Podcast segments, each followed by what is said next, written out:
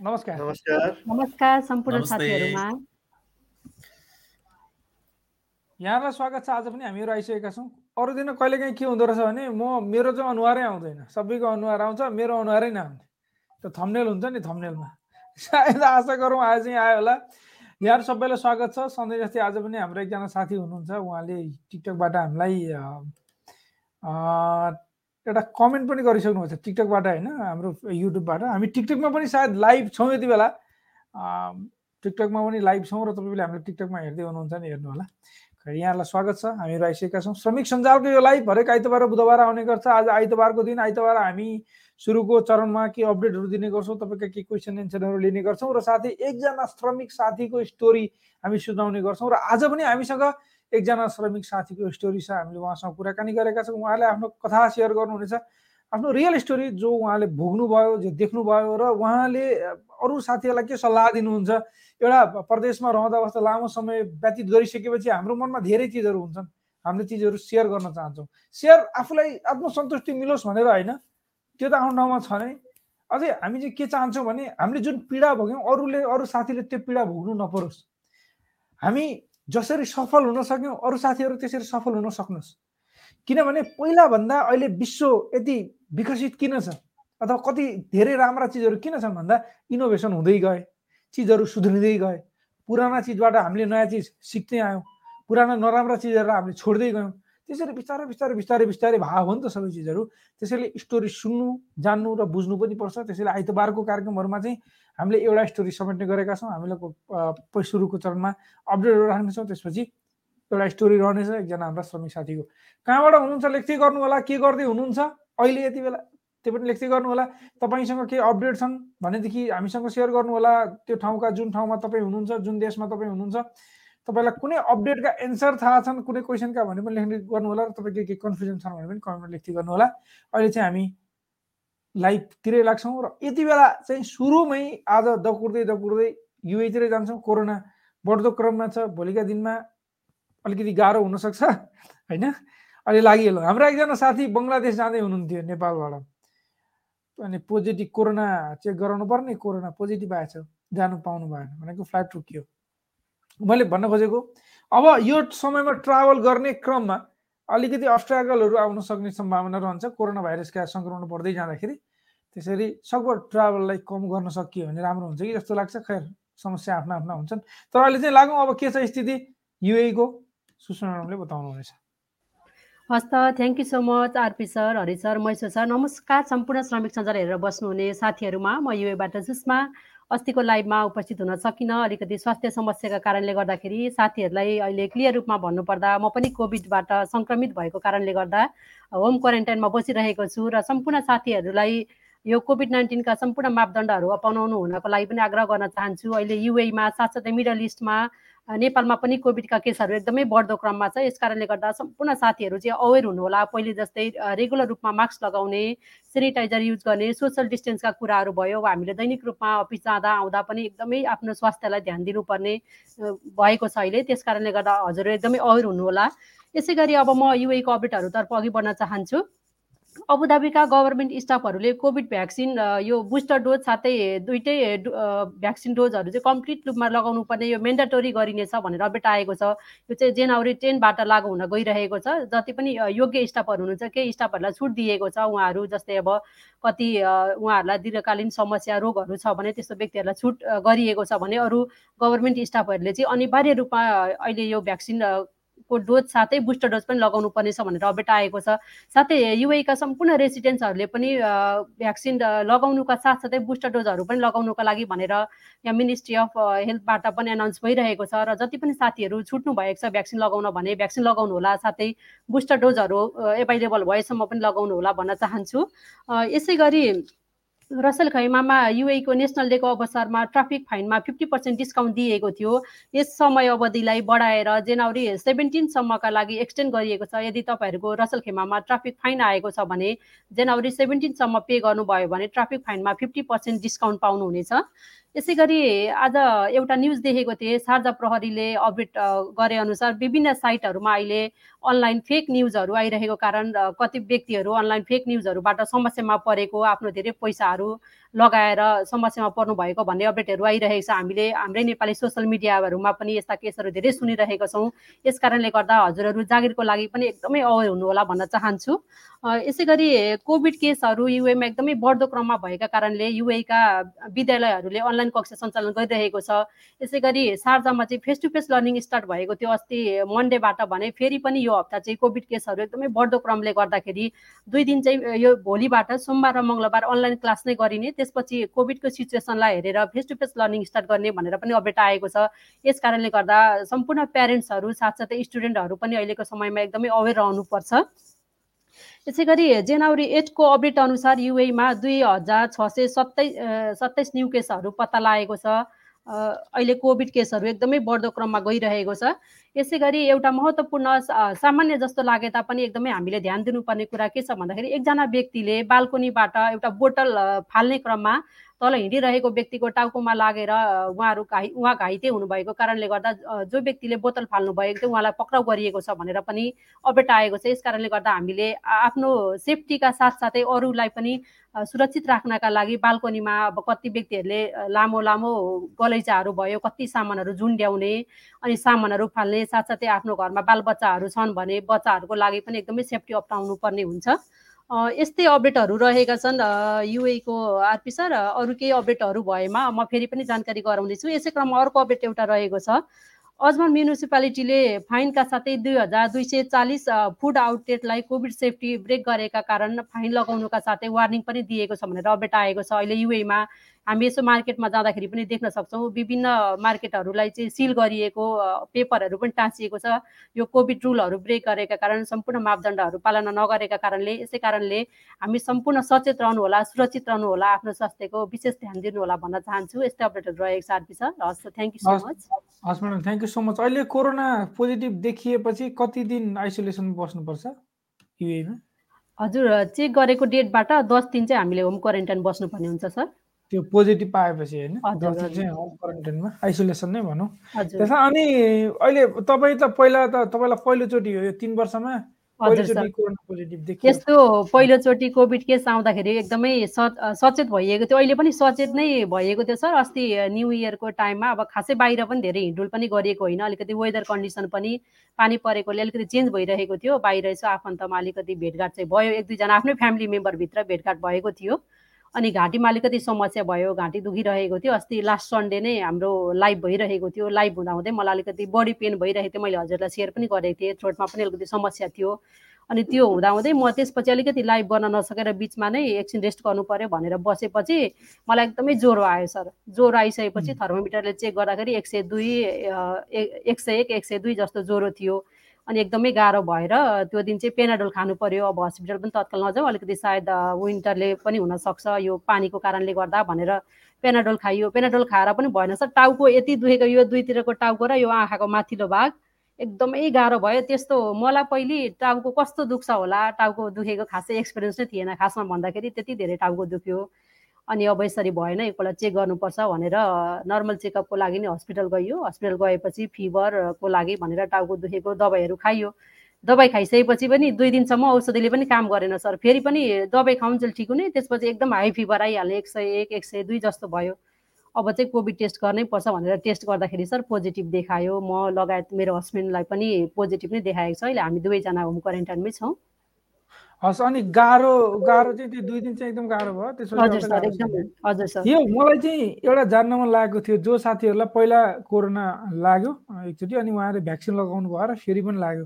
हाम्रो सर्कलमध्ये कसैको कोही साथीसँग त्यस्तो सङ्गत छ भने पहिला कतिको गाह्रो भएको थियो भ्याक्सिन लगाइसकेपछि कोरोना लाग्दाखेरि चाहिँ कतिको गाह्रो भयो। त्यो दुइटाको कम्पेरिटिभ हुन त पुरानो कुरा बिर्सिन्छ। अहिलेकै कुरा गाह्रो लाग्छ। त्यही पनि त्यो कम्पेरिटिभली कस्तो हुँदो रहेछ?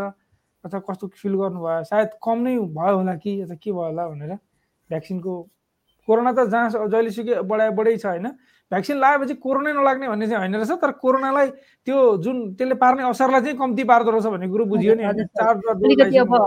अहिले भ्याक्सिन लगाइएको थिएन भने मलाई यसरी कोभिड भयो भनेर अलिकति डर हुन्थ्यो भिन्नै खालको आफूलाई मेन्टली अलिकति अहिले आएर यसरी बोल्न सक्ने सायद आठ सायदै हुन्थ्यो होला हुन्थेन हो सर। त्यति हुन्छ सायद। हुन्छ अब चाहिँ हामी कुवेतका जानकारी लिन्छौँ हरिसरबाट थ्याङ्क यू आरपी सर। त्यसै गरी महेश्वर सर अनि सुषमा म्याम र तपाईँलाई शीघ्र स्वास्थ्य लाभको कामना पनि। कोभिड अब सबैतिर बढिरहेको छ नेपालमा पनि बढिरहेछ होइन? कुवेतमा पनि बढिरहेछ साउदी अरबमा पनि बढिरहेछ युएमा बढिरहेछ कतारमा बढिरहेछ त्यस कारण सबैजनाले स जो जो जहाँ जहाँ हुनुहुन्छ सबैजना सचेत रहनु होला भन्न चाहेँ मैले चाहिँ। किनभने यो अलिकति मौसमले पनि हो कि जस्तो लाग्छ। अलिकति रेनिङ सिजन भएको थियो कुवेतमा अहिले एकदमै हलक्कै तिन हजार एक दिनमा तिन हजार केस भइरहेको छ होइन? नेपालमा पनि अलिकति जाडो बढेको हुनाले अलिकति केसहरू बढिरहेका छन् केही अब केही कुराहरू चेन्जेस हुने सम्भावना छ भनिएको छ त्यही छ। सबैलाई ख्याल गरौँ हामी जो जो जहाँ जसरी रहे पनि भन्ने कुरा हो। अब कुवेतको अपडेटमा चाहिँ जस्तो कुवेतको नेपाली दूतावासले चाहिँ त्यहाँ रहेका विभिन्न कम्पनीहरू विशेष गरी त्यहाँको एचआर म्यानेजरहरू रिप्रेजेन्टेटिभहरूसँग चाहिँ एउटा छलफल कार्यक्रम गरेको थियो हिजो उहाँहरूले। र त्यहाँ चाहिँ विशेष गरी नेपाली कामदारहरू कसरी अलिकति सुरक्षित हुन्छन् अथवा कसरी उनीहरूले बढी बेनिफिट पाउँछन् के कुरामा बढी फोकस गर्ने यस्तै कुराहरू छलफल भएको कुराहरू आएका छन्। त्यस्तै अर्को चाहिँ कुवेतमा एकदमै धेरै कोरोना सङ्क्रमण चाहिँ यो हप्तामा एक हप्तामै कन्टिन्यू धेरै माथि ग्रोथ भएको हुनाले त्यहाँको कुवेतको स्वास्थ्य मन्त्रालय एकदम चिन्ता व्यक्त गरेको छ र आज मात्रै पनि दुई हजार नौ सय उनासयजनालाई सङ्क्रमित हुनुभएको छ। त्यसै गरी कुवेतको स्वास्थ्य मन्त्री पनि कोरोना सङ्क्रमण भएको भनेर आएको छ कुराहरू। अब अहिले यो सङ्क्रमणले चाहिँ कसैलाई पनि नछोड्ने कुराहरू आएका छन्। त्यस्तै गरी कुवेतमा मस्जिदमा विशेष गरी प्रे गर्ने साथीहरू जुन जो जो चाहिँ मुस्लिम समुदायहरू हुनुहुन्छ मस्जिदमा पनि एउटा मापदण्ड बनाइएको छ जस्तो त्यहाँ पनि भौतिक दूरी राख्नुपर्ने प्रार्थना गर्दाखेरि पनि मास्क लाउनु पर्ने होइन? अनि त्यसपछि झ्याल खोलेर प्रार्थना गर्नुपर्ने त्यसपछि पन्ध्र मिनटभन्दा बढी प्रार्थना गर्न पाउने यस्तो खालको नियमहरू लिएको छ। एकदम कडाइको साथ भनेर भनिएको छ। त्यस्तै कुवेत एयरपोर्टमा पनि अहिले आउने र जाने क्रममा यात्रुहरूलाई एकदमै स्ट्रिक्टली यो स्वास्थ्य मापदण्डलाई एकदमै लागू गरिएको छ। र त्यहाँ अहिले स्टिकर लगाएर त्यो रेखाङ्कन गरिएको भनेर चाहिँ आएका छन् होइन? अनि त्यसै गरी केही अघि सुषमाले भनिहाल्नु फेक न्युजका कुराहरू केही सोसियल मिडियाले चाहिँ कर्फ्यू लाग्न सक्ने अथवा लकडाउन हुने भनेर आएको थियो तर कर्फ्यू अथवा लकडाउन लाउने कुराहरू चाहिँ अहिलेसम्म कुनै योजना छैन भनेर त्यहाँको स्वास्थ्य मन्त्रालयले र कुवेत सरकारले भनेको छ। त्यस कारणले अब हुनसक्छ केही चेन्जेस तर अहिले हामी पेनिक नहौँ। त्यसपछि अर्को कुरा चाहिँ जस्तो कुवेत सरकारले फेरि एउटा एनाउन्स गरेको छ सकेसम्म अत्यावश्यक काम बाहेक आफ्ना नागरिक र आप्रवासीहरूलाई कुवेत नछाड्न अथवा यात्रा नगर्न अनुरोध गरिरहेको छ। त्यति मात्रै होइन पचास वर्ष उमेर काटेका सबैलाई सिधै खोप केन्द्रमा गएर जसले तिन महिना क्रस गर्नुभएको छ जुन सेकेन्ड डोज लिएको उहाँहरूलाई बुस्टर डोज बुस्टर डोज लाउनलाई चाहिँ कोही सरकारले सबैलाई अनुरोध गरेको छ भने यो जुन पचास वर्षभन्दा कम उमेरसम्मकोलाई चाहिँ नाम रजिस्टर गरेर जान भनेर भनिएको छ होइन? त्यसपछि अस्ति पनि हामीले सेयर गरेका थियौँ। कुवेतमा चाहिँ अहिले ग्यादरिङ पब्लिक ग्यादरिङहरूलाई एकदम बन्द गरिएको छ। फेब्रुअरीको अठाइस तारिकसम्म कुनै पनि सार्वजनिक ठाउँमा कार्यक्रमहरू गर्न पाउने होटलहरूमा होइन कार्यक्रमहरू गर्न पाउने भनेर भनिएको छ। यति नै छ सर कुवेतको। र अरू विशेष गरी साउदी अरबमा पनि अहिले यो कोरोनाको कारणले सबै कुराहरूलाई एकदमै कडाइको साथ गरिएको छ। साउदी अरबमा पनि अहिले मस्जिदमा पनि नयाँ नियम ल्याउने विभिन्न ठाउँमा कम्पनीहरूमा एकदमै स्ट्रिक्टली चेकहरू भइरहने कुराहरू आएका छन्। मास्क लागेन भने लगाएन भने त्यहाँ पनि फाइनको व्यवस्था गरिएको छ। त्यस कारणले आफू जो जो जहाँ जसरी रहेका छौँ त्यो सरकारले ल्याएको नीति नियमलाई चाहिँ मान्नुपर्छ जस्तो लाग्छ मलाई। यति नै छ आरपी सर। हस् thank you sir thank you so much तपाईँलाई धेरै धेरै धन्यवाद छ अपडेटको लागि। तपाईँले भन्ने जस्ता कुराहरू छन् भन्नुहुन्छ होइन? समाचार भन्दाखेरि। भन्ने जस्ता कुराहरू छन् भन्दाखेरि एउटा के भन्नुभयो भने कोरोनाले यो मन्त्रीहरूलाई पनि नछोड्ने जस्ता कुराहरू छन् भन्नुभयो। होइन सबैलाई छोडेको छैन अब मन्त्रीहरूलाई जस्तो नेपालमा पनि अहिले कुरो एकदम सही हो तपाईँले भन्न खोज्नु भएको होइन। त्यो जोडिन गयो क्या त्यसरी। अन्त कोरोना आएर तपाईँसँग गफ गफ गरेर अब हामी मन्त्रीलाई पनि छोड्दैनौँ। कसैलाई छोड्नेवाला एकदम सिम्पल कुराहरू छ तर एकदम सबैले किन जस्तो साउदी अरबमा मास्क लगाएन भने एक हजार साउदी रियल चाहिँ जरिवाना भनिएको छ। सानो पैसा होइन नि यो धेरै ठुलो पैसा हो। मान्छेहरूले जस्तो जस्तो मैले परेन भने ठिकै छ मैले सकेँ भने जस्तो हुन्छ। तर परिसकेपछि साथीहरू कति साथीहरूले फाइन तिर्न परेको कुराहरू छन् त्यस कारण सचेत रहनुपर्छ भन्न खोजेको। एकदमै। कसैले कसैलाई छोड्दैन। रुल्स रुल्स र कोरोनाको पनि आफ्नै रुल्स छ। कोरोनाले भन्छ मास्क लाऊ दुरी राख हात धो। होइन? अब अहिलेको लागि चाहिँ हामी लागौँ कतारका जानकारीतर्फ। कतारमा के छ सर हालखबर? महेश्वर सर कतारतिरको यसो सुनौँ। म्युट छ हजुरको। नमस्ते स्वागत छ पुनः एकपटक फेसबुक लाइभको यो दुई सय पचपन्नौ श्रृङ्खलामा। हामीलाई युएबाट सुषमा म्याडमले अनि कुवेतबाट हरि सरले कुवेतका र युएका अपडेटहरू हामीले बाँडिसक्यौँ। अब कतारतिर जाउँ यो अरू देशमा जस्तै कतारमा पनि कोरोना भाइरसको चाहिँ सङ्क्रमण व्यापक रूपमा बढिराखेको छ। आज मात्रै त्यहाँ तिन हजार छ सय उनानब्बेजना व्यक्तिहरूलाई चाहिँ कोरोना सङ्क्रमण पुष्टि भएको छ।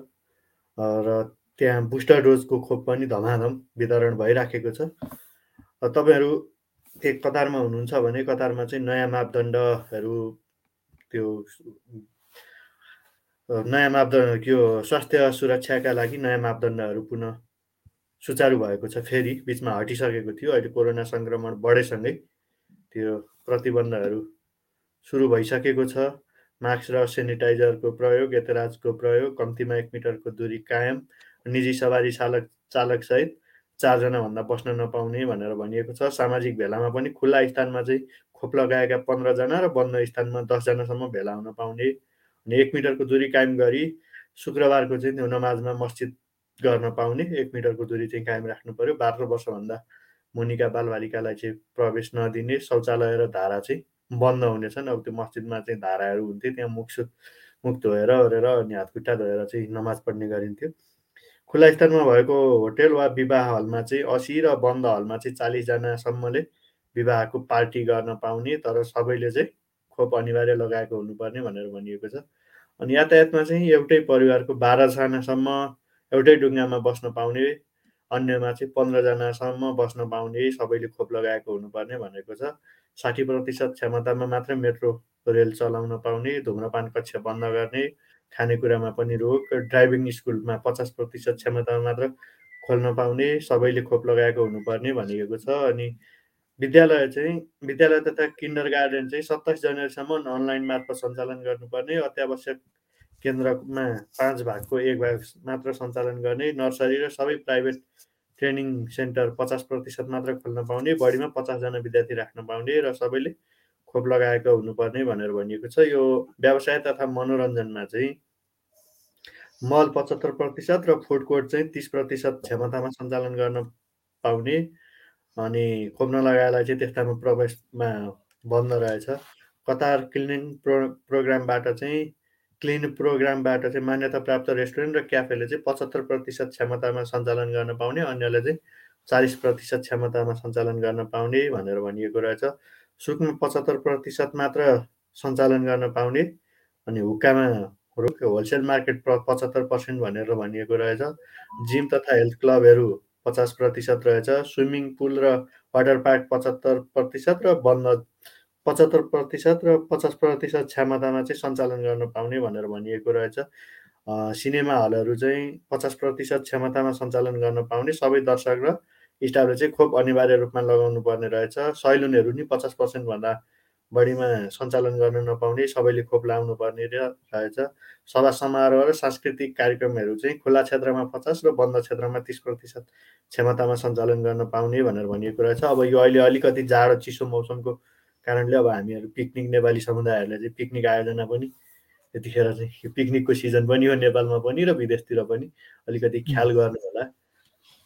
अर्को चाहिँ अब नेपाल तपाईँहरू नेपाल आउँदै हुनुहुन्छ भने पिसिआर गर्नको लागि चाहिँ कहाँ तपाईँहरू कहाँ जाने होला भनेर चाहिँ एकदम खुल्दुलीमा हुनुहुन्छ भने अहिले अन्त जानुभयो भने चाहिँ तपाईँलाई अहिले तिन दिनसम्म पनि रिपोर्ट नआइपुगेको कति साथीहरूको चाहिँ रिपोर्ट पिसिआर रिपोर्ट नआएको कारणले फ्लाइट छुटेका भनेर धेरै गुनासाहरू आइराखेका छन्। अहिले कतारमा कोरोना सङ्क्रमणको दर चाहिँ बढैसँगै यो रिपोर्ट आउनु पनि टाइम लाग्ने भएपछि अहिले ड्राइभ थ्रु सेन्टर र सिद्रा मेडिसनमा चाहिँ गएर तपाईँहरूले त्यो पिसिआर चाहिँ चेक गर्न सक्नुहुनेछ। त्यसका लागि चाहिँ तपाईँहरू चाहिँ हेल्थ कार्ड र यता राज्य एपमा चाहिँ हरियो कोड अनिवार्य चाहिन्छ। त्यसपछि हवाई टिकट चाहिँ तपाईँहरूले देखाउनु पर्ने हुन्छ। एक सय साठी रियल चाहिँ पैसा लाग्छ तर त्यो क्यास पैसा हुँदैन मेसिनबाट तपाईँले तिर्नु पर्ने हुन्छ। अनि नतिजा चाहिँ चौबिसदेखि अडचालिस घन्टाभित्र आउने नतिजा मोबाइलमै आउँछ अनि त्यो चाहिँ तपाईँ आफैले प्रिन्ट गर्नुपर्ने हुन्छ। यो चाहिँ हप्ताको सातै दिन बिहान आठदेखि राति दस बजेसम्म चाहिँ ड्राइभ थ्रु सेन्टरमा हुनेछ भने सिद्रा मेडिसिन सेन्टरमा चाहिँ तपाईँहरूले एपोइन्टमेन्ट लिनुपर्ने हुन्छ। एपोइन्टमेन्ट लिएपछि अन्य कागजात चाहिँ चाहिँदैन। त्यहाँ चाहिँ एक सय साठी रियल चाहिँ सिम लाग्ने रहेछ अनि नतिजा चाहिँ अठारदेखि चौबिस घन्टाभित्र आउने भनेर भनिएको रहेछ त्यो सीमित व्यक्तिको लागि।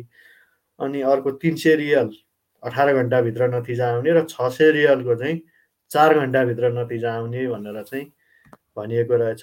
तपाईँ हामी तपाईँहरू बस बसेको ठाउँतिर पनि अहिले कोरोना व्यापक रूपमा बढिराखेको छ। बाहिर निस्किँदा मास्कको चाहिँ अनिवार्य रूपमा प्रयोग गर्नुहोला अनि मोबाइलमा यत्र एप पनि अनिवार्य रूपमा चाहिँ एक्टिभ गरेर बाहिर फेर डुल्नु होला।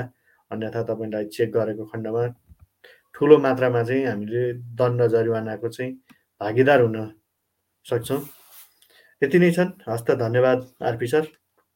हस् थ्याङ्क यू सो मच तपाईँलाई धेरै धेरै धन्यवाद छ। त्यो फाइनबाट बस्न र आफ्नो सुरक्षाको लागि दुइटै ध्यान दिनु पऱ्यो अब हामी कमेन्टतिर लाग्छौँ केही समय कमेन्ट पढेर आज हामी एकजना साथीका साथीको स्टोरी सुन्नेछौँ। यसै गरी युवराज सहनशील पाण्डेजीले लेख्नु भएको छ नमस्कार सर म्याडम आरामै हुनुहुन्छ होला? हाल म साउदी अरबदेखि हेर्दैछु। म हरेक लाइभ हेर्ने गर्छु। खुसी लाग्छ। म र म जस्ता श्रमिकहरूलाई जानकारी सल्लाह दिनुहुन्छ। हजुरहरूलाई विशेष आभार छ। कोरोनाको जोखिम कायमै छ मास्क लगाउँ भौतिक दूरी कायम राखौँ आफू पनि बचाउँ र अरूलाई पनि बचाउँ भन्नुभएको छ। अर्को एकजना हाम्रो रेगुलर साथी हुनुहुन्छ उहाँले लेख्नुहुन्छ। यसै गरी मधुसूदन सुवेदीजीले लेख्नु भएको छ नमस्कार सम्पूर्णमा यो कोभिड नाइन्टिन निरन्तरतालाई निहाल्दा मलाई आज ज्ञात भयो भने प्रत्येक पृथ्वीका बासिन्दाहरूले जुनसुकै अध्ययन र अनुसन्धानको पढ्ने पाठन गरे पनि वा गर्दै गर्दा चिकित्सक र सुस्वास्थ्य विज्ञ विशेष अवश्य अध्ययनलाई पनि गम्भीर विषय मानिदिनु पर्दो रहेछ भन्नुभएको छ। धन्यवाद छ। हरि सरलाई एउटा क्वेसन भन्दा पनि हरि सर हामीले उठाइ कि उठाइन र नेपालमा पनि सिसिएमसीको एउटा के भन्छ त्यसलाई? सिफारिस गरेको कुरा भन्नुभयो हजुरले भन्नुभएको छैन नि है? सिफारिस गरिएको छ। अब धेरै कुरा तेह्रवटा मेन मेन पोइन्टहरूलाई हाइलाइट गरिएको छ। विशेष गरी अहिले अब इन्टरनल फ्लाइटमा पनि डोमेस्टिक फ्लाइटमा पनि खोप कार्ड नभइकन जान नदिने सात तारिकको के अरे सात गतेबाट भनेर चाहिँ नयाँ नियम पनि ल्याइएको छ होइन। हलहरू पनि सिनेमा हलहरू बन्द धेरै कुराहरू छन् तर अहिले ठ्याक्कै पेनिक भइहाल्नु पनि आवश्यक छैन। अझै पनि धेरै कुराहरू डिक्लेरेसन हुन बाँकी छ तर स्कुलहरू चाहिँ पन्ध्र गतेसम्म बिदा गर्ने चाहिँ एक किसिमको एनाउन्समेन्ट भएको छ होइन? त्यही हो। काँचो काँचो काँचो मोटो मोटो के बुझौँ भनेदेखि कोरोना भाइरस सङ्क्रमण नेपालमा बढ्यो। अब केही सावधानीका उपायहरू अप्नाउन पर्दै गर्दाखेरि सकभर बाहिर काम कम हुँदाखेरि बाहिर जाने भिडभाड गर्ने काम चाहिँ नगरौँ। अलिकति सहज तरिकाले नसोचौँ। अलि आफू पनि यो सिसिएमसी बैठक बसेर सिफारिस गर्यो अरे भन्ने बित्तिकै अब म पनि सतर्क हुने बेला है भन्ने सोच्ने बेला हो भन्ने कुरो बुझौँ। एकदम सिधा सिधा बुझ्दाखेरि चाहिँ। यसै गरी एकजना साथीले लेख्नु भएको छ नमस्कार सर म्याडम म अबुधाबीबाट मेरो एउटा सानो प्रश्न। म एउटा कम्पनीमा काम गर्छु नेपालबाट श्रम गरेर आएको। अहिले म छुट्टी जाँदैछु तर म अहिले अबुधाबीबाट इन्डिया जाँदैछु। फेरि छुट्टी सकिएपछि नेपालको एयरपोर्टबाट अबुधाबी आउन मिल्छ कि मिल्दैन? भन्नुभएको छ। तपाईँको श्रम छ पासपोर्टमा भने मजाले मिल्छ छैन भने नेपालमा फेरि श्रम गरेर मजाले मिल्छ नमिल्ने भने केही पनि छैन। यसै गरी लेख्नुभएको छ एकजना साथीले नमस्ते RP sir Sushma ma'am Maheshwar sir Hari sir हार्दिक स्वागत छ श्रमिक सञ्जाल हो सही भन्नुभयो युएमा कोभिड केस बढ्दो छ मेरो कम्पनी अनि म बसेको क्याम्पमा पनि धेरै केस आयो र मेरो रुममेटलाई पनि पोजिटिभ भएर म अहिले क्वारेन्टाइनमा छु। रुममा पोजिटिभ भएपछि होम क्वारेन्टाइन बस्ने अबुधाबी सरकारले गरेको नियम हो। खुसी लागेको आजको यो श्रमिक सञ्जाल लाइभ नमस्ते शुभरात्रि हजुरहरू पनि सेफ रहनुहोला भन्नुभएको छ। हजुर हो एकदमै केसहरू बढिरहेको छ सुरक्षित रहनुहोला। यसै गरी विशाल बस्नेतजीले लेख्नु भएको छ म साउदी आएको चार महिना भयो शरीर काम्ने भएको के लेख्नु भएको छ? शरीर काम्ने भन्नुभएको छ शरीर काम्ने भएको कारणले रिजाइनेसन दिएर बसेको थर्टी सिक्स दिन भयो कम्पनीले पठाउँदैन कम्पनीलाई लागेको खर्च पनि तिर्न रेडी छु। प्लिज के गर्नुपर्छ? नेपाल जानलाई भन्नुभएको छ। उहाँलाई अलिकति शरीर काम्ने समस्या भयो भन्नुभएको छ। शरीर भरि सर म सल्लाह दिनु पर्यो उहाँलाई।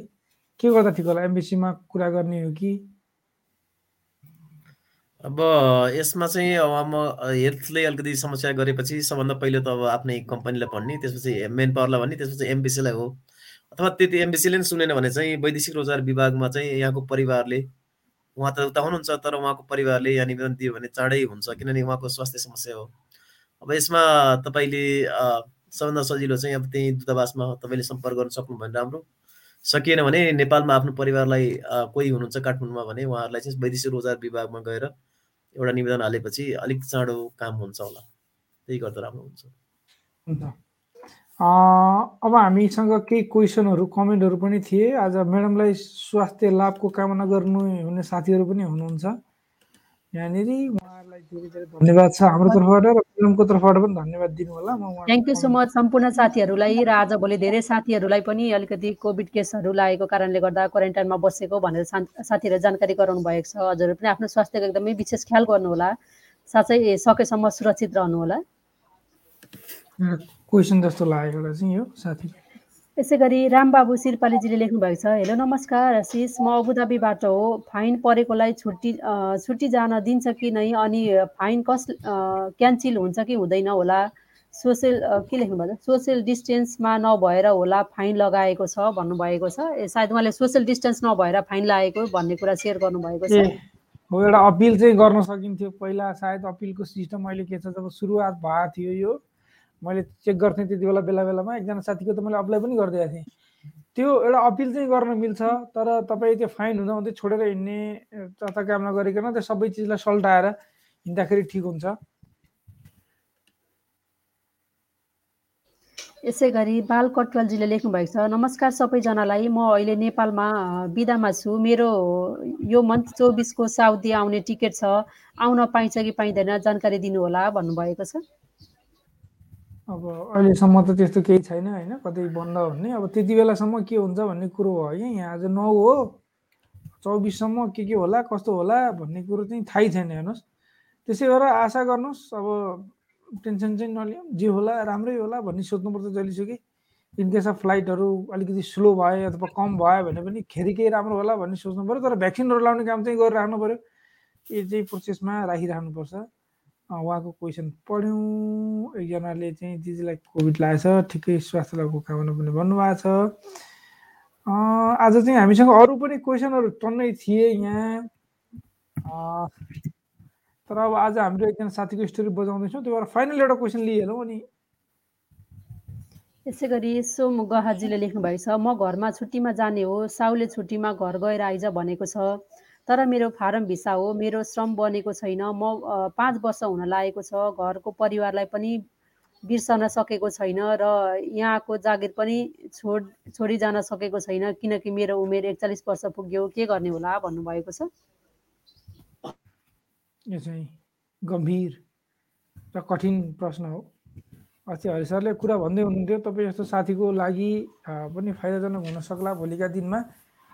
के होला भन्ने आशा गरौँ। केही समय अझै वेट गर्दा ठिक हुन्छ कि? है अहिले ट्राभल गरिराख्ने अवस्था पनि छैन। केही समय वेट गर्दा ठिक होला कि भन्ने हाम्रो पर्सनल सल्लाह रह्यो तपाईँलाई होइन? हजुरहरूले केही भन्न चाहनुहुन्छ? त्यही नै सर अहिले तत्काललाई तत्काललाई केही हुने सम्भावना छैन। अब केही समय वेट गर्नु पऱ्यो किनभने अब त झन् कोभिड पनि अलिकति भित्र- भित्रेको छ गाह्रो हुन सक्ला होइन ट्राभलको लागि। यदि कोभिड भएन सबै कुराहरू भयो भने तपाईँहरूको जस्तो उहाँ काम गरिरहेकोहरूको हकमा पनि राम्रो काम भएर उनीहरूलाई फर्काउनुको लागि एक एउटा बुदा कतै निर्णय भइदियो भने राम्रो हुन्थ्यो भन्ने कुरा चाहिँ हो। त्यो कुरा चलिरहेको कुरा चाहिँ हो। अब युएमा छुट्टी आइतबार हुन थाल्यो होइन म्याडम? के छ खबर? हजुर सर दुई दिन शनिबार आइतबार यहाँको अफिसियल बिदा होइन। नर्मल्ली त्यो प्राइभेट कम्पनीहरू जसले शुक्रबार छुट्टी दिन्थे तिनीहरूले त आइतबार दिनु थाले होइन अब? हजुर। अँ, ती कम्पनीहरू चाहिँ आइतबार धेरै साथीहरूलाई अब हाम्रो बर्दुबईको पार्क जहाँ हामी एकचोटि गएर भेट्यौँ पनि धेरै साथीहरूलाई त्यहाँ चाहिँ अब जहाँ अब युए हुँदाखेरि अथवा तपाईँहरू जाँदाखेरि पनि आइतबार चाहिँ जानुपर्ने भयो कुरो त्यस्तो बुझ्यो। ल अब आजलाई यति नै गरौँ त नभनौँ। आज हामीसँग एकजना साथीको स्टोरी छ। हाम्रै श्रमिक साथीको जो परदेशमा लामो समय बस्नुभयो। आफ्नो लामो समय प्रदेशमा बिताउँदै गर्दाखेरि उहाँले के के भोग्नुभयो देख्नुभयो सिक्नुभयो। उहाँले सिकेको जानेको कुराले उहाँ अरूलाई हामीलाई सेयर गर्न चाहनुहुन्छ। किनभने जो जसले अलि लामो समयदेखि भोग्दै आइरहेको छ उनीहरूसँग एक्सपिरियन्स हुन्छ जुन एक्सपिरियन्सले हामीले सिक्न सक्छौँ। उहाँ हुनुहुन्छ राजकुमार श्रेष्ठ उहाँ साउदी अरबमा हुनुहुन्छ र लामो समयदेखि पहिला कतारमा हुनुहुन्थ्यो साउदी अरबमा हुनुहुन्छ लामो समयदेखि। हामी उहाँसँगै कुराकानी एकदम फर्मल्ली कुराकानी गरेका छौँ हामीले त्यो यहाँलाई अहिले हामी सुनाउँछौँ।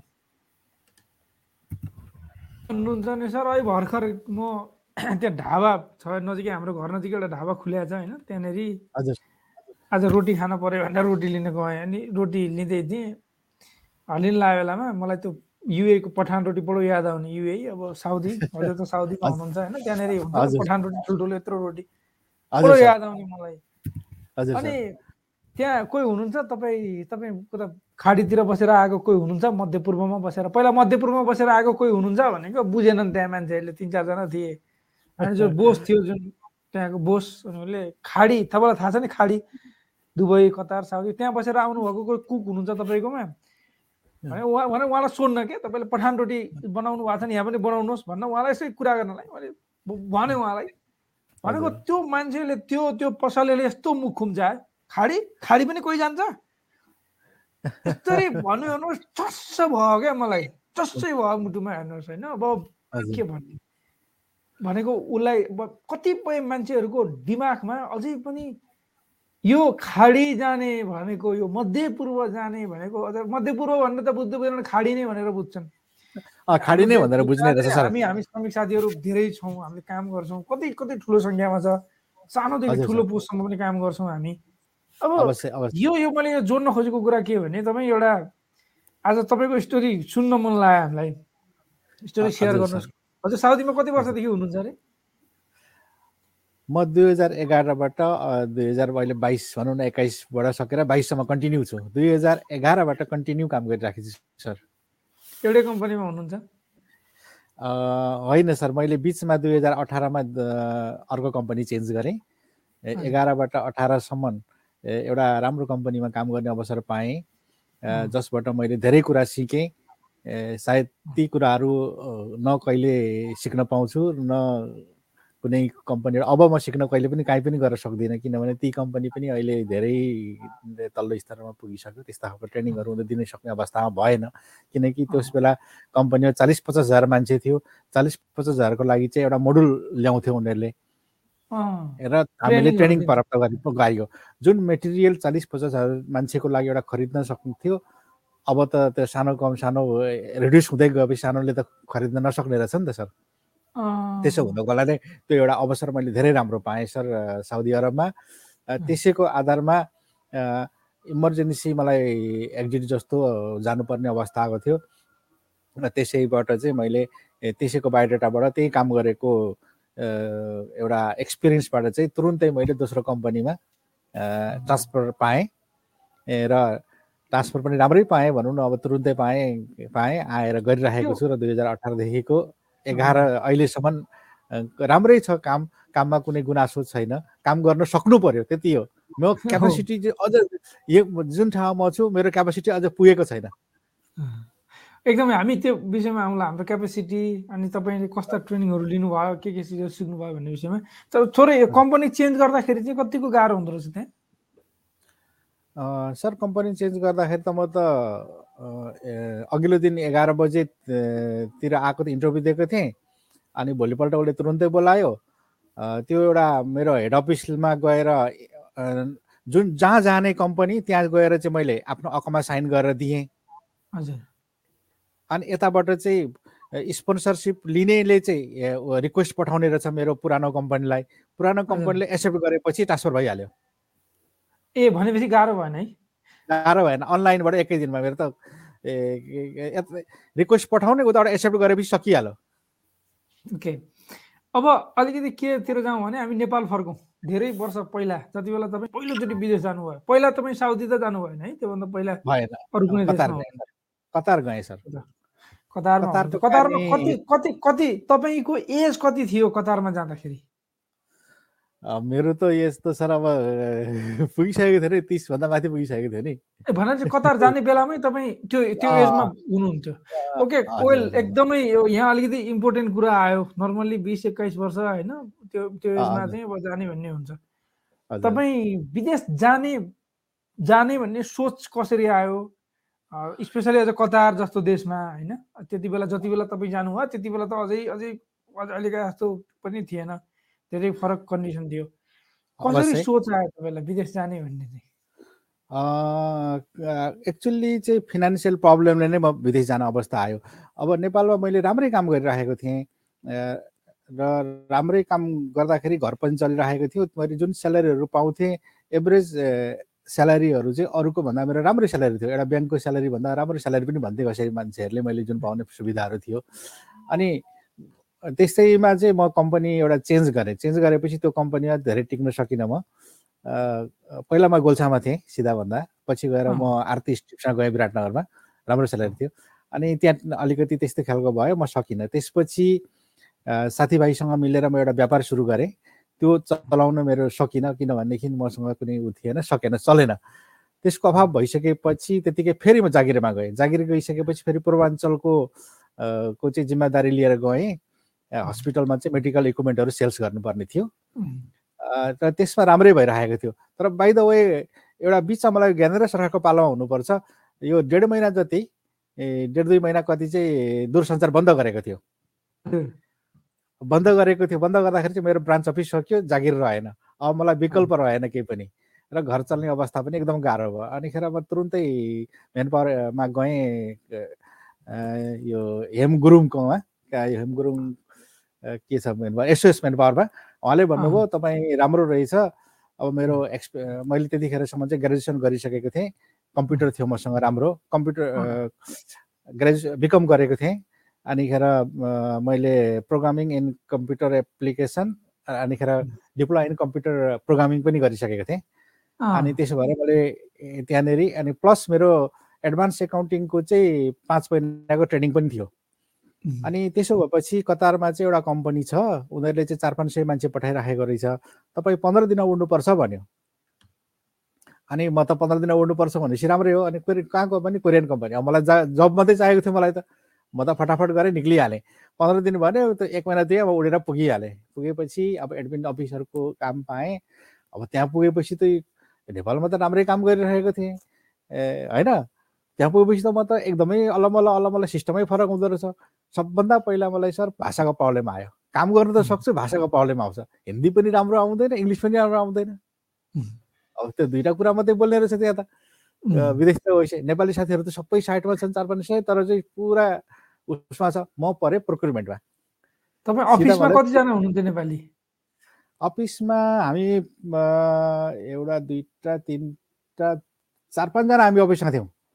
एकजना एकजना आइटीमा हुनुहुन्थ्यो एकजना एडमिन अफिसरमा हुनुहुन्थ्यो अर्को साथी अनि अर्को साथी चाहिँ एडमिनकै असिस्टेन्टमा हुनुहुन्थ्यो। म पनि एडमिनमा गएँ तर म म चाहिँ प्रोक्युरमेन्ट पनि परेँ। परेँ भन्दाखेरि हाम्रो टिम राम्रै थियो पूर्वका साथीहरू नै हुनुहुन्थ्यो राम्रो काम। गरिराखेको थियौँ। अनि। त्यसपछि तिन चार महिना छ महिना काम गरेपछि मलाई साइटमा राख्यो। साइटमा राखेपछि रास्लाफान भन्ने कम्पनीमा चाहिँ म काम जानु पर्यो। रास्लाफानको ग्यास कम्पनी भन्छ जिटिएल ग्यास कम्पनी जुन छ नि सर यो वर्ल्डको सबभन्दा ठुलो प्लान्ट बनेको थियो। त्यहाँ चाहिँ। हामीहरू काम गर्थ्यौँ पचास हजार मान्छे काम गर्थ्यौँ वान टाइम मेरो क्याम्पमा आठ हजार सात हजार थियो। म चाहिँ। होन्दाईमा थिएँ म चाहिँ होन्दाईतिर। परेँ मेरो कम्पनी। चाहिँ होन्दाईको सब कन्ट्र्याक्टर भयो थियो। हजुर हजुर। सब कन्ट्र्याक्टर भएको हुनाले। होन्दाईमै गएर बस्नुपर्ने होन्दाईको अफिसमा काम गर्नु पर्थ्यो किनभने उनीहरूले चाहिँ हामीलाई सप्लाईमा पठाएको थियो कि? उनीहरूसँग भिजा नभएर आफ्नो कन् सब कन्ट्र्याक्टरबाट भिजा लिएर पठाउने रहेछ। अनि। सेभेन थाउजन्ड थियो। सेभेन थाउजन्ड हुँदाखेरि त्यहाँ फेरि एउटा राम्रो अवसर पाएँ सर मैले। ओइल घोन्दाईको चाहिँ ओइल सिस्टमेटिक अफिसमा एउटा काम गर्न पाएँ र त्यहाँ। काम गर्दा गर्दै एउटा सानो एउटा ट्रेनिङ गर्नु पाएँ आइएलएम भन्ने एउटा ट्रेनिङ हुँदो रहेछ निकै राम्रो। आइएलएम भन्ने ट्रेनिङ हुँदो रहेछ त्यो ट्रेनिङ गर्न पाएँ। त्यसले मलाई अझ बढी चाहिँ निखार्यो। हाउ टु वर्क काम त गरिन्छ. सर हाउ टु वर्क भन्ने एउटा सम्बन्धमा हुँदो रहेछ। अब हामी नेपालमा त के हो चार घन्टा पाँच घन्टा काम गऱ्यो निक्ल्यो गयो कुनै पनि थिएन। तर विदेशमा त्यस्तो नहुँदो रहेछ। र त्यो काम चाहिँ अब काम साह्रै खट्नुपर्ने बिहानदेखिको बेलुकैसम्म खट्नुपर्ने तैपनि राम्रै लाग्यो अब नेपालको भन्दा बानी परियो कति समयमा बानी पर्नु भयो तपाईँ? त्यो त्यो टाइपले काम गर्न जुन एउटा डेडिकेटेड हुन्छ नि डेडिकेसनको साथमा फुल टाइम होइन? अलिकति ढिला भयो भने स्यालेरी काट्ने। त्यो कति कति समय। बानी पर्छ सुरु सुरुमा त मान्छेहरू बिहान उठेर खाना खान्छन् भाइ चारै बजे। त्यो पनि अचम्म लाग्थ्यो म त हामीहरू त अब अलिकति चार बजे खाना खाने भनेको त हाम्रो संस्कारले दिएन नि त सर। होइन त संस्कारले दिएन भन्दा कुकुरले पनि यस्तो नखाइकन भन्ने अब है मतलब चलन छ होइन। त्यो थियो त्यसबाट चाहिँ मलाई अनि बानी पर्दै पर्दाखेरि करिब करिब छ आठ महिनामा बाध्यताले अझ मलाई चाहिँ बाध्यताले मलाई अझ बढी चाहिँ बानी पार्यो। अनि बानी पारिसकेपछि बानी हुँदै गएँ हुँदै गएँ हुँदै गयो। त्यसपछि त्यसमा मलाई सफलतै राम्रै भयो त्यसमा मलाई कुनै गुनासो रहेन। खासै स्यालेरी नराम्रो पनि होइन राम्रो पनि होइन। तर पनि साढे तिन सालमा मेरो प्रोजेक्ट सकियो अनि साइडबाटै हामीहरू चाहिँ घर जानेमा परियो। अ, भनेर घर आइयो। क्यान्सल क्यान्सल कम्पनीले क्यान्सल गर्यो कि तपाईँ सो खुस सो खुसीले क्यान्सल हुनुभयो? अ, प्रोजेक्ट सकिएको हुनाले कम्पनीले चाहिँ मान्छेहरूलाई साइटको मान्छेहरूलाई घर पठाइदियो। किनभने हजुर पनि त्यसैमा हजुर पनि घरमा जानुभयो। कति बस्नुभयो घर- फेरि घर फर्केर? साउदी जानुभन्दा घर जाने बित्तिकै त्यतिन्जेल पनि नेपालको अवस्था साह्रै गाह्रो थियो। त्यो माओवादीको अलिकति यस्तै के के समस्याहरू थियो कि कसो कसो थियो त्यतिखेर। अनि म त अब हामीहरू त घर कसरी चलाउँ भन्ने मात्रै ध्यान हुँदो रहेछ। घरको सपोर्ट कसरी गरौँ? बालबच्चा कसरी गर्ने भन्ने। अनि म त सिधै काठमाडौँमा आएँ पासपोर्ट त्यहीँ बुझाउनु गएँ।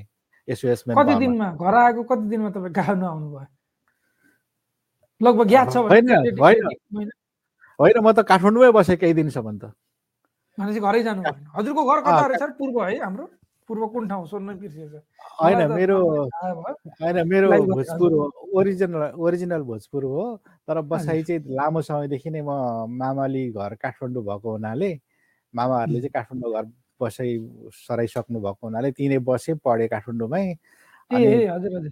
त्यस्तो भयो। अनि अहिलेको मेरो व्यवस्थापन चाहिँ विराटनगरमा जोडतोड गरेको छु। त्यसै त्यहीँ बस्ने मेरो मेरो फ्युचर विराटनगर हो अब। हजुर ठाउँ चाहिँ विराटनगर भनौँ होइन? एकदम एकदम विराटनगर मलाई रुचाएको त्यसपछि त्यसपछि अब साउदीतिर फर्कौँ। तपाईँ कति बस्नु भयो नेपालमा? ठ्याक्क साउदी पनि भनेको ठाउँमा काम पाइहाल्यो। भनेको जस्तो काम अनि अ, नेपाल ए, मा एक्जिट गइसकेपछि ती काठमाडौँबाटै म एयरपोर्टमै बाट केही दिन बसेँ काठमाडौँमा अनि पासपोर्ट बुझाइदिएँ अनि उनीहरूले तुरुन्तै जानुपर्छ जाने हो भनेदेखि अल्जेरियाको लागि भन्ने कुरा भयो। अनि अल्जेरियाको लागि मैले जानकारी नभएको राम्रो ठाउँ रहेछ मैले त रिजेक्ट गरेँ। गरेपछि। दुवै कुरा म त दुवै कुरा सुनिरहेको त दुवै दुवै। दुबई राम्रो। कप्तान दुबईका खुब कुरा चल्थ्यो होला। अँ। अनि दुबईको लागि इन्टरभ्यू दिन्छु इन्टरभ्यू दिन्छु एक साल भइसक्यो आउँदैन। भिसा। लगभग डेढ साल जति भनौँ न एक साल भइसक्यो। अनि त्यसपछि डेढ साल जस्तो भइसकेछ। अनि ल जहाँ पनि जाने भनेर इन्टरभ्यू दिएको थिएँ साउदीको सामसुङ कम्पनीबाट चाहिँ भिसा तुरुन्तै पठाइदियो। र साउदीबाट एकैचोटि भिजा चाहिँ तपाईँको सेन्दानको पनि आएको थियो यता पनि आएको थियो। अनि होन्दाईको र अर्को एउटा कुनै कम्पनीको पनि थियो। अ, दाइबु पनि रहेछ कम्पनी रहेछ।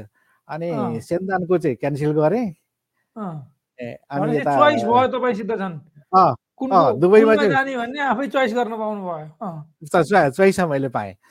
त्यतिखेर तिन चारवटा कम्पनी एकैचोटि चलेको थियो। होन्दाई थियो सुङचाङ भन्ने एउटा कम्पनी थियो. अनि सर सामसुङ भन्यो। अब सामसुङ के हो? के हो? थाहा पनि थिएन मलाई त। अब। त्यत्रो नाम चलेको रहेछ कम्पनी। सबभन्दा पहिला छिटो भिसा दिएको नि। ए छिटो जानुपर्ने मलाई साउदी गएपछि अलिकति फरक अनुभव रह्यो होला नि किन भन्दा कतारमा जाँदा त पहिलोचोटि विदेश गएको अनुभव भयो होइन साउदी। गइसकेपछि चाहिँ साउदी र कतारमा फरक पाउनु भयो कि पाउनु भएन साउदी र कतारमा धेरै नै फरक छ साउदीमा कतारमा हुँदाखेरि जस्तो रिलिजनको कुराहरूमा त्यस्तो केही पनि पाएको थिइनँ मैले। म चाहिँ दोस्रो मुस्लिम कन्ट्रीमा मुस्लिम कन्ट्रीमा छु भन्ने जस्तो त्यस्तो। फिल भएन। तर साउदी आएपछि चाहिँ सर्लक्कै त्यो एउटा अलिकति फिल भयो। अब होइन त्यो एउटा फिल भयो र अलिकति बाहुल्यता बुर्का लाएर हिँड्ने सबैले होइन। सायद कतारमा कतार चाहिँ म गएको छैन अहिलेसम्म। कतारमा सबै बुर्का लाएर हिँड्छ के कस्तो हुन्छ कतारमा चाहिँ? कतारमा बुर्का पनि लाउँछन् ओपन पनि हिँड्छन् हिँड्न पाइयो। तर यहाँ चाहिँ पाइएन। साउदी अरबमा दुई हजार दस एघारतिर म एघार सालमा त्यहीँ थिएँ। एघारदेखि तेह्र एघार बाह्रतिर म त्यतै थिएँ साउदी जेद्दामा बस्थेँ मलाई त्यो आइडिया छ कि सबैले लगभग लाउँथ्यो होइन लाउँछन्। पछि चाहिँ। बिस्तारै त्यति बेला त ड्राइभिङ पनि गर्न पाउँथेनन् महिलाहरूले अहिले चाहिँ पाइसकेछन् के अरे। ठिकै छ सर अब अब हामी कहाँनिर जाउँ भने यो भयो तपाईँको कुरा। तपाईँले आफ्नो लाइफमा चाहिँ आफ्ना अब दुःख सुखका कुरा त सबै आफ्ना छँदैछन्। कतिपय पीडा। पनि लाग्छ होला कतिपय खुसी पनि लाग्छ होला। तर हजुर मलाई। सबभन्दा पीडा परदेशमा बस्नु परेको कारणले किन लाग्छ अथवा किन लाग्दैन? र सबभन्दा खुसी चाहिँ के कारणले लाग्छ? यो दुइटा चिज भन्नुहोस् अनि अर्को एउटा कुरा गर्छौँ। दुःख परिवारबाट टाढा छौँ अर्काको देशलाई सेवा गरिराखिएको छ। फर्केपछि जब हामी यहाँबाट फर्किन्छौँ त्यसपछि हामी हाम्रो रिलेसन काहीँ पनि हुँदैन। नेपालमा काहीँ पनि हुँदैन। कसले पनि चिन्दैन हामीलाई। कसले पनि पत्याउँदैन। त्यो लाग्छ मलाई आजको दिनसम्म। त्यो दुःखको कुरा दुःखको कुराहरू भयो। दोस्रो कुरो अब परिवार छोराछोरी गाउँ समाजले पनि मलाई चिन्ने मौका पाउँदैन। होइन त्यो पनि एउटा रमाइलापनहरू कति साथीभाइसँग घुम्ने एउटा इन्टरटेनमेन्ट भन्ने अलमोस्ट जिरो नै हुँदो रहेछ विदेश आइसकेपछि त दुःखका कुराहरू भए। अब अँ। सुखको कुरामा सम्झिँदाखेरि अलिकति पैसा त कमाइयो होला। तर लाइफ यति नै त होइन होला नि। सन्तुष्ट भनेको चाहिँ अलिकति गुजारा मात्रै गरे त्यति मात्रै सन्तुष्ट छ। अरू त्योभन्दा सन्तुष्ट के बच्चा बच्चा बच्चीलाई बाटो देखाउन सकियो जस्तो पनि लाग्छ होला सायद होइन? धेरैलाई लाग्ने एउटा पार्ट त्यो पनि हुन राम्रो पोइन्ट सरले निकाल्नुभयो।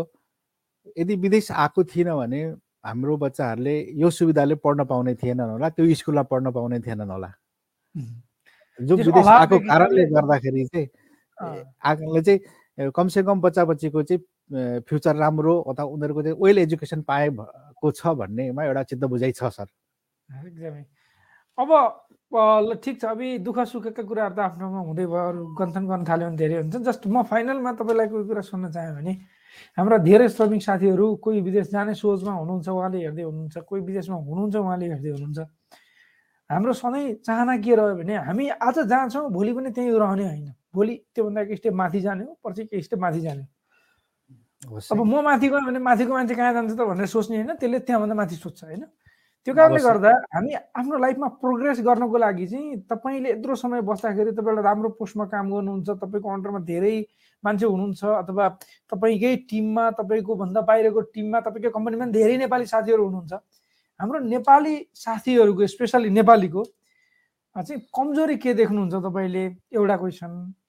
जुन सुधार्न पर्ने छ र अर्को प्रोग्रेस गर्नको लागि गर्नै पर्ने चिजहरू के हुन् र ट्रेनिङ हुन् भने कुन कुन ट्रेनिङ लिँदाखेरि ठिक हुन्छ जस्तो लाग्यो तपाईँलाई? सबभन्दा पहिला मान्छेहरूले घरबाटै सिक्नुपर्ने कुरा अनुशासन हो। अनुशासन। बहुत कम्ती देखेको छु मैले हाम्रो साथीहरूमा। एउटा कुरा। सायद यो हाम्रो देशले अथवा हाम्रो देशले नै कुनै एउटा स्ट्यान्डर्ड तरिकाले चाहिँ देशले नै सिकाउनु पर्ने होला कि? सम्भवतः। मलाई म सुन्दछु जस्तो दक्षिण कोरियाहरूमा देशकै एउटा मेनु हुन्छ अरे। देशको हाम्रोमा त पहिला अनुशासन भन्ने पुस्तक थियो पछि हटाए। म सानसानो हुँदाखेरि हामीले पढ्नु पनि पर्थ्यो त्यो नैतिक अनुशासन के के भन्ने एउटा बुक हुन्थ्यो। हजुर होइन. भन्दाखेरि आजका बच्चाहरूले पढ्न त पढ्छन् तर कस्तो हुन्छ भनेदेखि उनीहरूले एउटा आफूलाई मात्रै फोकस गरिराखेको छ। भन्दाखेरि त्यो अनुशासन चाहिँ बच्चैबाट सिकाउनु पर्ने एउटा अवस्था देख्दैछु मैले हेर्दाखेरि पहिलो कुरा। सरले दोस्रो क्वेसन त मैले भुलि पो हालेको छु दोस्रो क्वेसन भनेको नेपालीहरू तिनवटा भएछ टोटल टोटल नेपालीहरूको सबभन्दा ठुलो कमजोरी के हो जस्तो लाग्छ हजुरलाई? हामी विदेशमा बस्ने जुन नेपाली श्रमिक साथीहरू छौँ। कोअर्डिनेसन। एकजना नेपाली आउँदाखेरि अर्को नेपालीले उसलाई चाहिँ जसरी पनि सिकाउने र उसलाई पनि आफ्नो बराबर पुर्याउने अथवा आफूभन्दा राम्रो बनाउने कोसिस गर्नुपर्ने थियो होला होइन? त्यो गर्नु होइन? जस्तो मसँगै म अहिले अफिसमा एक्लै छु तर एकजना त्यहाँ नेपाली छ चाहे त्यो केही पनि नजान्ने होस् तर पनि मलाई इन्डिरेक्टली सपोर्ट हुन्छ नि सर। मेरो कसैले क- मेरो अगाडि त कुरा त काट्नु सक्दैन नि सर। एक्ज्याक्टली होइन? यसको त यो छ है भनेर। तर हाम्रो नेपाली साथीहरूमा त्यो बुझ्ने क्षमता नभएको हो कि अलिकति टेक केयर नगरेको हो कि अथवा मलाई यसै पुग्छ भन्ने भावना भएको हो कि यी कुराहरू माइनर कुराहरू छ तर यी कुराहरू ख्याल नगरेको जस्तो देख्छु सर म एकअर्कालाई सपोर्ट गर्नु पर्यो आफूले जाने बुझेको बुझाउनु पर्यो होइन? ल दोस्रो कुरा अब अर्को फाइनल फाइनल क्वेसन हो चाहिँ जस्तै ट्रेनिङहरू कतिको आवश्यक हुन्छ? र कस्ता कस्ता ट्रेनिङहरू लिँदाखेरि राम्रो हुन्छ प्रोग्रेस गर्ने चाहिँ तपाईँले कस्तो टाइपको ट्रेनिङ लिनुभएको थियो? त्यो हिसाबले के लाग्यो तपाईँलाई? मेरै केसमा गर्दाखेरि चाहिँ जुन जब वाइज ट्रेनिङ थियो त्यो जब वाइज ट्रेनिङ मैले कतारमा पनि पाएँ र साउदीमा पनि पाएँ मेरो अफिसबाटै। र। त्यसबाट चाहिँ मलाई काम गर्नको लागि चाहिँ एउटा गाइडलाइन मिल्यो जस्तो रोड म्याप मिल्यो what I need to do exactly today. मेरो गोल के हो? कन्फिडेन्सले गर्दाखेरि त्यो भइराखेको छ। र आउँदो साथीहरूलाई पनि मैले के भन्न चाहन्छु भनेदेखि तपाईँको केमा स्किल छ? त्यही काममा आउनुहोस् कमान्डिङ लिएर आउनुहोस् त्यसैमा एकदम स्किल बनाएर आउनुहोस् तपाईँले त्यसो गर्नुभयो भने तपाईँको स्यालेरी पनि राम्रो हुन्छ।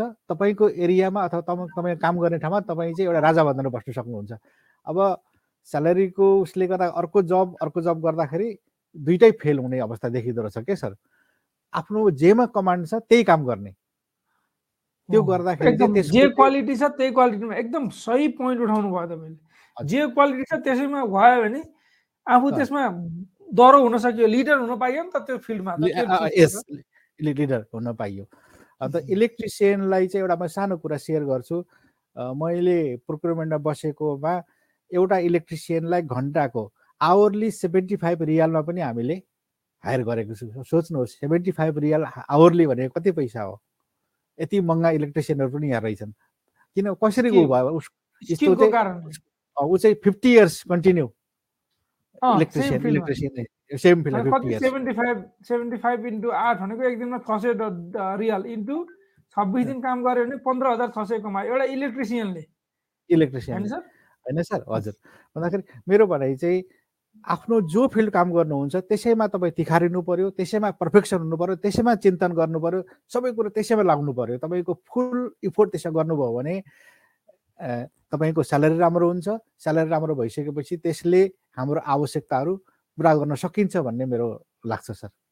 हुन्छ हस् सर हस् थ्याङ्क यू सो मच तपाईँलाई समयको लागि तपाईँको आफ्नो स्टोरी सेयर गर्नुभएको लागि। अरू साथीहरूलाई पक्कै पनि यसबाट केही न केही फाइदा मिल्यो होला। अहिलेको लागि तपाईँलाई धेरै धेरै धन्यवाद दिन्छौँ। धन्यवाद। हस् त अब हामी पनि केही छ? हरि सर भन्नु। एकदमै इन्ट्रेस्टिङ स्टोरी सुनियो होइन? साथीको श्रमिक साथीहरू सबैको आफ्नो स्टोरी हुन्छ तर उहाँले जुन कुरा गर्नुभयो स्किल इज पावर भन्ने कुरा चाहिँ बडा बडा इन्ट्रेस्टिङ लाग्यो। र जे कुरा हामीसँग बढी छ त्यही कुरालाई अझै बढाउँ भन्ने कुरा पनि अझै राम्रो हो। जस्तो मलाई होइन अब प्याज काट्न आउँछ भने प्याजलाई अझै राम्रोसँग काट्ने कसरी भन्ने सिक्यो भने एटलिस्ट प्याज काट्न त म पर्फेक्ट भएँ भन्ने कुरा चाहिँ एकदमै मलाई त्यसले चाहिँ छोयो एकदमै धेरैजना धेरै? नेपालीहरूले धेरै नेपालीहरूको के छ भने दस दिन एउटा कुरा सिक्यो दस दिन अर्को कुरा सिक्यो सबैतिर होइन एकतिर पर्फेक्ट नहुने हुन्छ नि। त्यो चाहिँ एउटा राम्रो कुरो लाग्यो मलाई। एकदमै त्यो आफ्नो पाराले जे के काम गर्नुहुन्छ भने के काम जस्तै कसैले केही काम खोजिदिनु मलाई भन्नुभयो मानु के गर्नुहुन्छ भन्दा जे भयो नि हुन्छ भने जे के जे भन्ने त कामै हुँदैन। त्यो म यो गर्छु म यो मान्छे हो मेरो यो क्यापेसिटी हो भनेर भन्यो भने मात्रै हामीले पैसा कमाउन सकिन्छ कि र हाम्रो स्किलको पनि भ्यालु हुन्छ। त्यो कुरा चाहिँ डेफिनेटली उहाँले लास्टमा जुन कुरा भन्नुभएको थियो म्याडमले त्यो पनि हो अनि अर्को एउटा रियलिटी पनि सेयर गर्नुभयो उहाँले। जति। हामी बाहिर बसेर काम गरेर हुन्छौँ जति सोसियल वर्क जति कम्युनिटीमा बेसमा गऱ्यौँ अथवा जति आफूले प्रोग्रेस पनि गरियो होइन? तर हामी जब आफ्नो डेस्टिनेसन कन्ट्री अथवा मैले कता काम गरेँ इराक कुवेत कता काम गरेँ म फर्केर आएपछि चाहिँ हामी करिब करिब जिरो लेभलमा हुँदो रहेछ। अथवा मतलब नेपालको कम्युनिटीमा भिज्नलाई आफ्नै घर परिवारमा भिज्नलाई गाउँ परिवारमा भिज्नलाई यहाँको कुराहरू बुझ्नलाई पनि टाइम लाग्ने रहेछ कि? यो चाहिँ एकदमै हामी यहाँ नयाँ नै हुन्छौँ आएपछि। म्यामले केही भन्न खोजिरहनु भएको थियो? हजुर होइन सर हरि सरले भनिसक्नुभयो सबै कुराहरू है। राजकुमार सरले एकदमै राम्रो कुराहरू उठाउनु भयो अब विशेष उहाँले अलिकति डिसिप्लिनको कुराहरू पनि उठाउनु भयो हामीले बाहिर आइसकेपछि अनुशासनलाई पनि एकदमै विशेष प्रायोरिटी दिनुपर्छ। साथसाथै अब हामीमा जुन जुन स्किल छ स्किललाई चाहिँ अलिकति तिखारेर अघि बढ्नुपर्छ। ल्याङ्ग्वेजको कुरा गर्नुभयो उहाँले। विदेश आइसकेपछि विशेष गरेर हामीलाई हिन्दी र इङ्ग्लिस ल्याङ्ग्वेज एकदमै इम्पोर्टेन्ट हुन्छ। त्यो हुँदाखेरि हाम्रो आफ्नो भाषागत रूपमा दक्ष भयौँ भने पनि हामीलाई का अब काम गर्दाखेरि अलिकति पछि प्रमोसन हुनको लागि पनि सपोर्ट हुन्छ भन्ने कुराहरू धेरै कुराहरू एकदमै राम्रो उहाँले आफूले आफ्नो एक्सपिरियन्सलाई सेयर गर्नुभएको छ। एक दुईवटा क्वेसन लिउँ भन्दा नि? उहाँले तल पनि सोध्नु भएको छ मेरो क्वेसनलाई लिइदिनु होला भनेर। यसै गरी एकजना साथीले लेख्नुभएको छ पहिला मैले सिनोफार्मको फर्स्ट एन्ड सेकेन्ड डोज लगाएँ आज फेरि फाइजरको फर्स्ट डोज लगाएर यसैलाई बुस्टर डोज भनिन्छ कि फेरि अर्को फाइजरको भ्याक्सिन लगाउनु पर्ने हो भन्नुभएको छ। हजुर हजुरले सिनोफार्मको फर्स्ट एन्ड सेकेन्ड डोज लगाइसक्नु भयो भने फाइजरको फर्स्ट डोज लगाउनु भयो अब हजुरले फेरि सेकेन्ड डोज पनि लगाउनु पर्ने हुन्छ। हजुरलाई अब टाइम दिएको हुन्छ त्यहाँ फर्स्ट डोज लगाइसकेपछि सायद ट्वेन्टी एट डेजमा हजुरको डेट पनि दिएको होला त्यो डेटमा सेकेन्ड डोज लगाउन सक्नुहुनेछ। त्यसपछि पनि अहिले बुस्टर डोजहरू आइरहेका छन्। छ छ महिनामा छ महिना क्रसपछि फेरि पनि लगाउनु पर्ने हुनसक्छ हरेक छ महिना क्रस हुन्छ बुस्टर डोज लगाउने सबै बुस्टर डोज। फाइनल क्वेसन यहाँबाट बिदा अनि धेरै साथीहरू हो यसरी कन्फ्युजन भएर कति साथीहरूले अस्ति नै अब हामीलाई मेसेज पनि गर्नुभएको थियो एउटा एक डोज भ्याक्सिन लगाएर दोस्रो डोज लगाउनु पर्ने डेटहरू ख्याल नगरेर भ्याक्सिन डोज लगाउन सकिएन। नेपाल जानुपर्ने छ कम्प्लिट भ्याक्सिन लगाएको छैन के गर्ने होला भनेर पनि धेरै साथीहरूले क्वेसन सोध्नुहुन्छ। त्यो कारणले गर्दाखेरि हजुरहरू भ्याक्सिनको विषयमा पनि आफू अलिकति सजग रहनु होला। एउटा डोज लिइसकेपछि हजुरले जुन अब सेन्टरबाट लिनुभएको छ भ्याक्सिन कहिले लगाउने कुन डेटमा हो भनेर आफूले पनि फलोअप गर्नु होला। यदि मेसेजहरू आएन हजुरलाई कल भएन भने पनि कहाँ लगाउने फेरि अर्को कुनै सेन्टर चेन्ज गर्नुपर्ने हो कि? यी कुरामा चाहिँ हामीले आफै नै अलिकति सजग रहनुपर्छ नि भन्न चाहन्छु साथीहरूलाई। यसै गरी हरि खत्रीजीले लेख्नु भएको छ। नमस्ते सबैजनालाई। हालमा युएबाट हो। मेरो भिसा डिसेम्बर चौधमा सकिएको हो। अट्ठाइस डे सकिन पनि चार दिन बाँकी छ। मेरो भिसा जनवरी बाह्र सकिन्छ र तेह्रबाट फाइन हुन्छ। म नेपाल जानलाई जनवरी सात तारिक पिसिआर गरेँ तर पोजिटिभ रिपोर्ट आयो मलाई। कम्पनीले पासपोर्ट पनि ढिलो दिएको थियो। अहिले म क्वारेन्टाइनमा बसेको तिन दिन भयो। अब म के गर्ने होला? जानकारी दिनु होला भन्नुभएको छ। त्यही त के गर्न सकिएला त? त्यो हेल्थ कन्डिसन भएको हुनाले मलाई सायद त्यसलाई माफी पनि दिन सक्ला। तर त्यो त्यो गेसका कुरा हो तर त्यसले पनि त नभन्ला। तर पनि एकदमै दुःख लाग्यो तपाईँको कुरा सुनेर। म चाहिँ के भन्न चाहन्छु मलाई भने अब जस्तो सात तारिक पिसिआर गरेको पोजिटिभ आयो तेह्र बाह्र तेह्रमा सकिने भनेपछि तपाईँको अब दुई तिन दिनमा गरेर होइन तपाईँको हुन त आज नौ त भइसक्यो। अब यसलाई कसरी तपाईँले भन्नुहुन्छ? आरपी सर कसरी मलाई अब यो चाहिँ अपि अब फाइनको लागि चाहिँ अपिल गर्न पनि सकिने अवस्थाहरू चाहिँ रहन्छन् होइन? अब फेरि जो अपिल गरेर त्यो कति दिनसम्म क्वारेन्टाइनमा बस्नुपर्ने हो? दस दिन त बस्नै पर्यो है। हजुर सर दस दिन हजुर टेस्ट गरेको डेटबाट दस दिनसम्म बस्नै पर्छ। त्यो भएको कारणले गर्दा अब त्यो सकिसकेपछि तपाईँ त्यो एकचोटि अहिले टेन्सन नलिनुहोस्। अब बिरामी अब तपाईँलाई स्वास्थ्य स्थिति कस्तो छ ख्याल राख्नु होला आफ्नो। अब त्यो क्वारेन्टाइनमा बस्ने बेलासम्म बस्नु पऱ्यो त्यसपछि सायद एकचोटि उसको लागि फाइनको लागि चाहिँ गएर अपिल गऱ्यो भने फाइनलाई छुट हुन सक्ने सम्भावना रहन्छ। अपिल गर्न पाइने अवस्थाहरू हुन्छन्। दुबईमा भने अघिहरूमा गएर अपिल गर्न सकिन्छ। तपाईँले फोन गरेर पनि बुझ्न सक्नुहुन्छ। हुन्छ आजलाई यति नै गरौँ होला है। लामो भयो कार्यक्रम। स्वस्थ रहनु होला सुरक्षित रहनु होला। शुभरात्रि धन्यवाद। नमस्ते। Thank you